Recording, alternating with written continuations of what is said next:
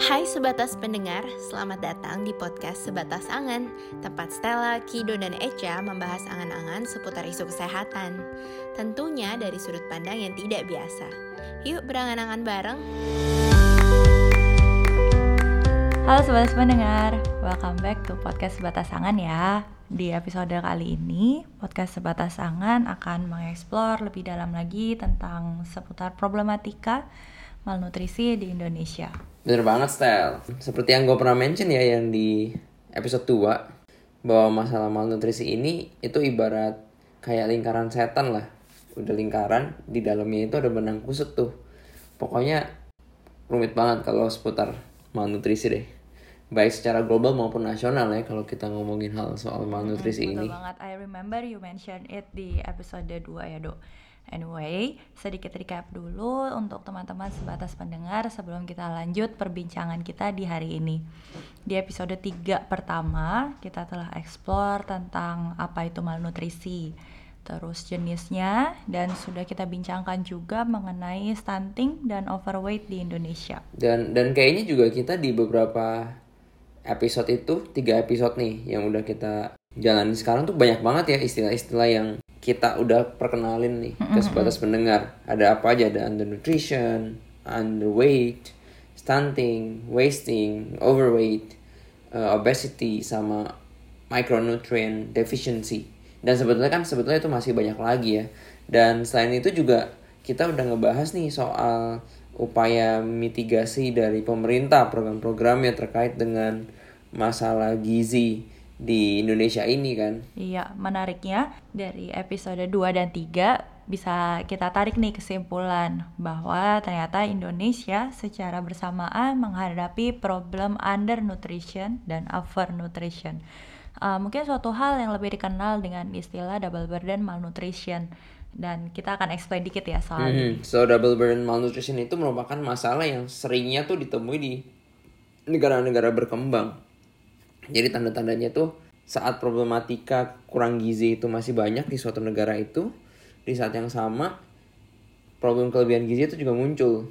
Jadi ada dua masalah yang belum bisa ke handle nih. Dan ada beberapa faktor penyebab kondisi ini terjadi. Antara lain tuh karena arus globalisasi dan pergeseran gaya hidup. Nah, pergeseran gaya hidup nih yang ke arah ke barat-baratan.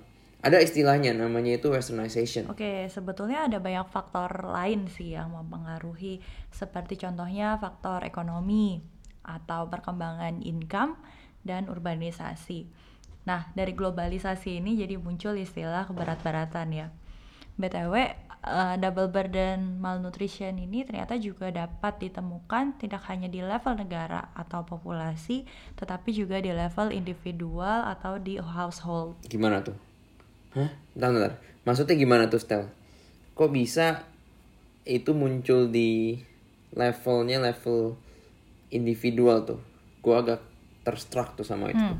Oke oke, mungkin biasanya karena ngehnya gitu, karena dia di level komunitas atau populasi gitu ya. Hmm. Maksudnya tuh gini, jadi uh, double burden malnutrition di tingkat individu itu adalah sebuah kondisi obesitas atau overweight yang ditemukan pada seseorang yang dulunya stunted pada masa kanak-kanaknya. Ada juga istilah di level household atau di keluarga. Dalam satu keluarga dapat ditemukan adanya ibu yang overweight, anak baby atau balita yang underweight, lalu atau stunted even dan ada atau kakek dan nenek yang kurus gitu. Nah, hmm. seperti itu tuh. Gila juga ya. Berarti masalah si double burden malnutrition ini bisa sampai ke level keluarga bahkan individu. Mm. Hmm, gue kayak gue gila. Gue jadi semakin semakin penuh otak gue karena itu semakin kompleks dan semakin ruwet sebetulnya ya. yes, ya. Betul banget. Makin kusut tuh benang. Iya betul, seruat itu. Nah dalam episode ini kita ingin gali lebih dalam lagi mengenai masalah gizi yang kita alami ini ternyata bukan cuman masalah dari sektor kesehatan aja tapi ada banyak sektor yang terlibat di dalamnya. Hmm, gue setuju banget tuh style sama yang lu bilang.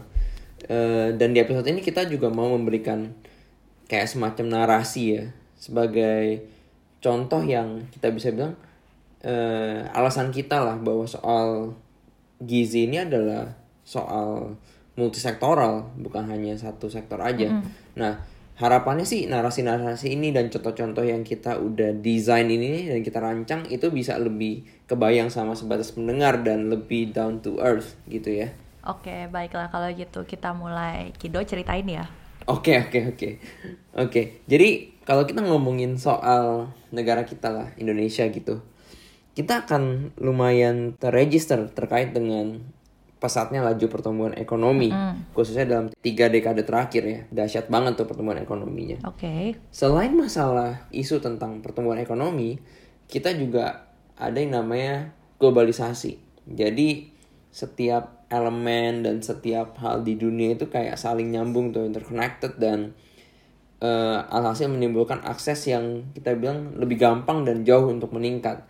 Contoh kayak sekarang kita ada Zoom, kita ada sebetulnya email itu adalah salah satu pintu masuk dari globalisasi karena kita bisa get in touch dengan cepat gitu kan. Oke, Nah. ya betul betul. Selain itu juga karena laju ekonomi yang meningkat, lalu akses semakin mudah, muncullah yang namanya urbanisasi kalau di Indonesia kan. Kita lumayan sering tuh dengar istilah itu. Jadi masyarakat tuh dari desa ke kota semua karena melihat bahwa di kota itu eh kota menjadi sebuah primadona yang kayak orang tuh berbondong-bondong untuk tinggal di kota, harapannya untuk mendapatkan penghasilan lebih baik karena paradigmanya seperti itu kan. Oke. Nah, secara otomatis tuh pertumbuhan ekonomi itu, urbanisasi semuanya itu diikuti dengan yang namanya peningkatan juga purchasing uh, power dari si masyarakat kan. Memang sih kalau ngomongin Indonesia itu nggak nggak merata. Tapi meskipun tidak merata, terjadi peningkatan di semuanya tuh, baik desa maupun kota. Oke, gue setuju Gitu sama kan. pernyataan lu barusan. Hmm, hmm, hmm. Nah, coba kita bayangin nih, 25 tahun yang lalu gitu ya. Mm-mm. Eh, dibanding 25 tahun yang lalu, sekarang kita bakal bisa ngerasain bahwa kita gampang banget untuk akses ke makanan cepat saji, ya kan? Lu bisa, kita punya variasinya banyak di sini sekarang. Lu bisa Betul. sebutin satu-satu lah. Dan kita bisa menjangkau itu secara jarak, kita bisa lumayan dekat dan secara dompet tuh kita mampu ya untuk membeli itu. Dan semakin ke sini orang-orang juga semakin mampu untuk eh, afford itu. Terus juga ditambah bukan makanan cepat saji saja, menu-menu sekarang makanan yang buffet itu itu juga lumayan populer kan sekarang. Jadi sebetulnya wajar ya itu kalau kita bisa ngelihat, wah ternyata masalah overnutrition tuh muncul. Jadi sih wajar banget. Nah jadi eh, hal-hal yang tadi gue sampaikan perannya kan ada peran sektor ekonomi, peningkatan ekonomi, lalu juga adanya globalisasi. Nah ternyata tuh dua hal itu mempengaruhi kita dalam memilih makanan. Prinsipnya itu adalah itu terakses secara dompet dan secara jarak. Alhasil kita punya akses itu kita sebetulnya punya power untuk memilih nih. Ya ya betul betul. Ditambah lagi tadi kan yang dengan uh, meningkatnya purchasing power itu, jadi kita Hmm, hmm. punya bisa milih gitu. Nah melanjut dari kemampuan untuk memilih ini sebenarnya erat kaitannya dengan marketing dari produk makanan. Nih keberadaan ojek online dan berbagai jenis uang elektronik yang memberikan diskon. uh, tentunya mereka ini memberikan warna tersendiri nih bagi kita konsumer dalam uh, memilih makanan apa yang kita makan. Coba deh, let's reflect on kapan terakhir kali kita order ojek online karena diskon dan iseng ingin jajan, bukan karena lapar, bukan bukan karena di rumah nggak ada makanan gitu. Padahal di rumah ada makanan, tapi cuma pengen jajan aja. Gue sih sering ya. Nah, iya. Tapi eh, sih, tapi ya eh, itu kan yang kita ngomong another sektor nih. Kita ngomonginnya kalau kita ngomongin makanan itu akhirnya kita ngomongin lagi ke industri makanan atau sebutannya food and beverage ya, F&B. Makanya kayak dipikir-pikir kita punya power buat milih itu tuh itu bisa jadi kayak pedang bermata dua juga ya. Tapi dok, mengenai hal ini sebetulnya tidak seluruh lapisan masyarakat mampu untuk afford jajan-jajan centil lah istilahnya gitu. Tidak semua masyarakat di Indonesia bisa menikmati pertumbuhan ekonomi dan dapat akses ke makanan-makanan cepat saji atau ojek online. Eh, iya benar-benar, gue setuju tuh. Itu sih eh, salah satu eh, itunya lagi ya, kondisinya lagi. Karena di saat yang sama sebetulnya kalau men- eh, kita merujuk pada data statistik masih banyak tuh daerah-daerah di Indonesia tuh yang sangat sulit untuk akses air bersih Eh, listrik pun juga nggak ada kayak kesannya ya gimana mau mikirin nutrisi? Makanan makanan apa hari ini aja tuh udah susah gitu kan? Contohnya nih di daerah Bengkulu gitu ya yang masih di Indonesia bagian barat akses terhadap air minum yang layak itu aja masih 45% tahun 2019 artinya eh, ya kita nggak bisa kita bisa expect lah kira-kira kan di bagian timur juga bagaimana gitu kan. Kalau bagian barat eh ada daerah yang seperti itu. Masalahnya air bersih itu penting karena air bersih itu merupakan salah satu faktor yang dapat mencegah undernutrition kurangnya ketersediaan air bersih itu tuh bisa berakibat masyarakat sekitar situ bisa undernutrition kan karena kena penyakit-penyakit.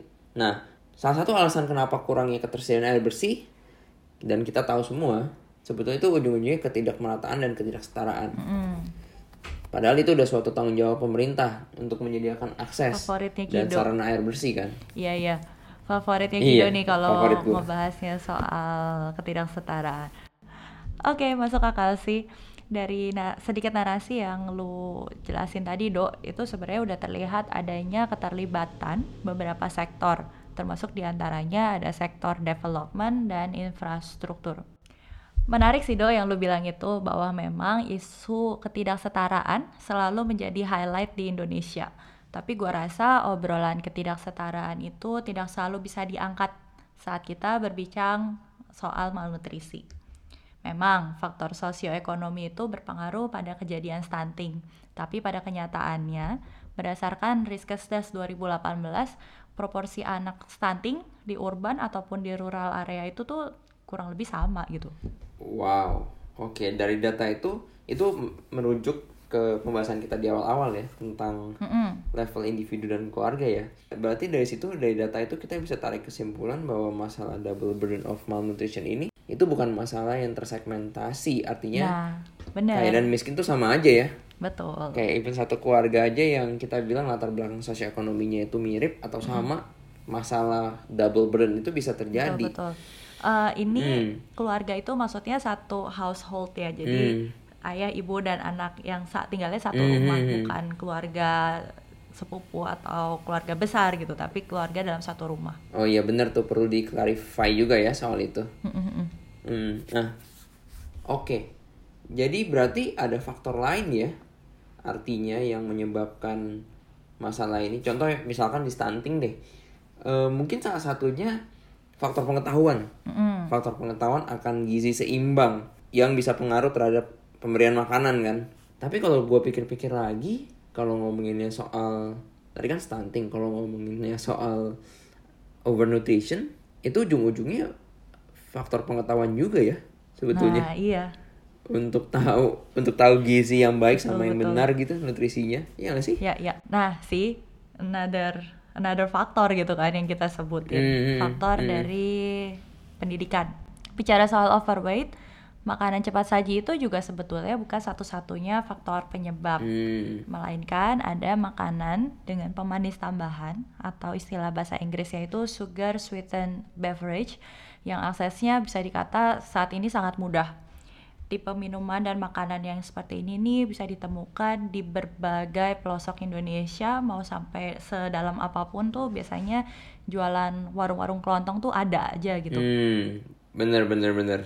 Terus kalau kita ngomongin soal yang makanan dengan pemanis tambahan, pasti kita ngomonginnya soal bisnis di F&B lagi. Hmm, food and beverage. Dan bagaimana bagaimana mereka memanage iklan-iklan ya dari sisi marketingnya Mm-mm. untuk meningkatkan penjualan khususnya. Betul. Kita kan sering kayak lihat gitu ya di iklan-iklan di TV gitu ya mengenai minuman soda ataupun snack-snack gitu yang manis. Kalau kayak kita udah punya akses untuk seenggaknya ngelihat iklan itu terus di di toko Mm-mm. dekat rumah kita itu warung-warung itu ada begituan dan kita mampu kita sebetulnya itu ya ujung-ujungnya bisa konsumsi pemanis tambahannya jadi tinggi ya nggak sih Ya betul. udah ada eh, udah ada akses tinggal beli deh gitu Mm. kadang-kadang dan sering kali eh, konsumen ini nggak sadar kalau konsumsi gulanya kan kelebihan itu nggak bagus dan ujung-ujungnya balik lagi ke pengetahuan ya Iya, betul banget.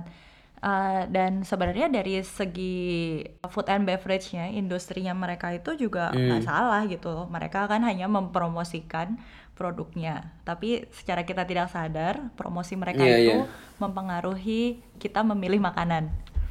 Gitu. ya Nah, karena yang namanya bisnis ya pengennya pasti itu kan mm-mm. penjualannya meningkat ya kan Betul betul. Nah, gue tambah satu lagi ya. Kalau misalnya ngomongin soal overweight, kan erat kaitannya dengan sedentary lifestyle. Kalau dirunut nih, ini sebetulnya erat lagi kaitannya dengan globalisasi dan laju urbanisasi yang tinggi.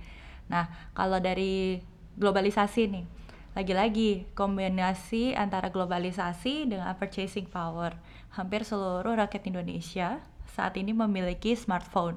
Dari kita bicara data ya, dari tahun 2015 ke tahun 2020 saja ada peningkatan satu setengah kali lipat pengguna smartphone di Indonesia yang notabene membuat orang lebih senang duduk ketimbang beraktivitas fisik, lebih senang duduk nonton YouTube daripada olahraga atau jalan-jalan atau ngapain lah gitu. Oke dan dan apa dan urbanisasi juga menurut gua punya peran penting dalam apa dalam mendukung si sedentary lifestyle ini karena perkembangan ekonomi deh eh, contohnya ya ke perkem- perkembangan ekonomi yang pesat di perkotaan eh, dibandingkan dengan pedesaan orang tuh jadi maunya kerjanya di kota. Nah orang kerja di kota identik dengan kantoran kan? Gedung-gedung tinggi gedung-gedung perkantoran.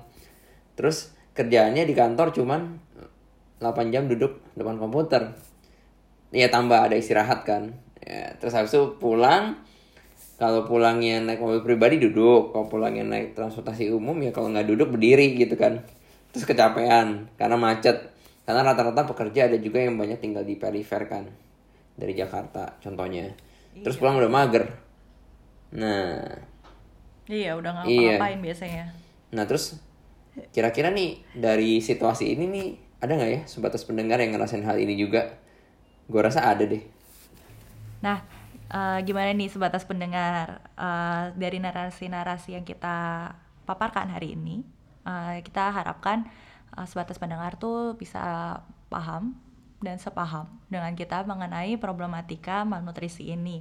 Ternyata problematika ini melibatkan berbagai sektor dari ekonomi, pendidikan, globalisasi, urbanisasi, dan lain-lainnya lagi. Dan untuk menyelesaikan masalah benang kusut ini nih, pastinya membutuhkan tenaga dan waktu yang amat besar. Dan tentunya dana juga yang sangat besar. Dan tentunya strategi yang tepat sasaran dan tepat tujuan ya.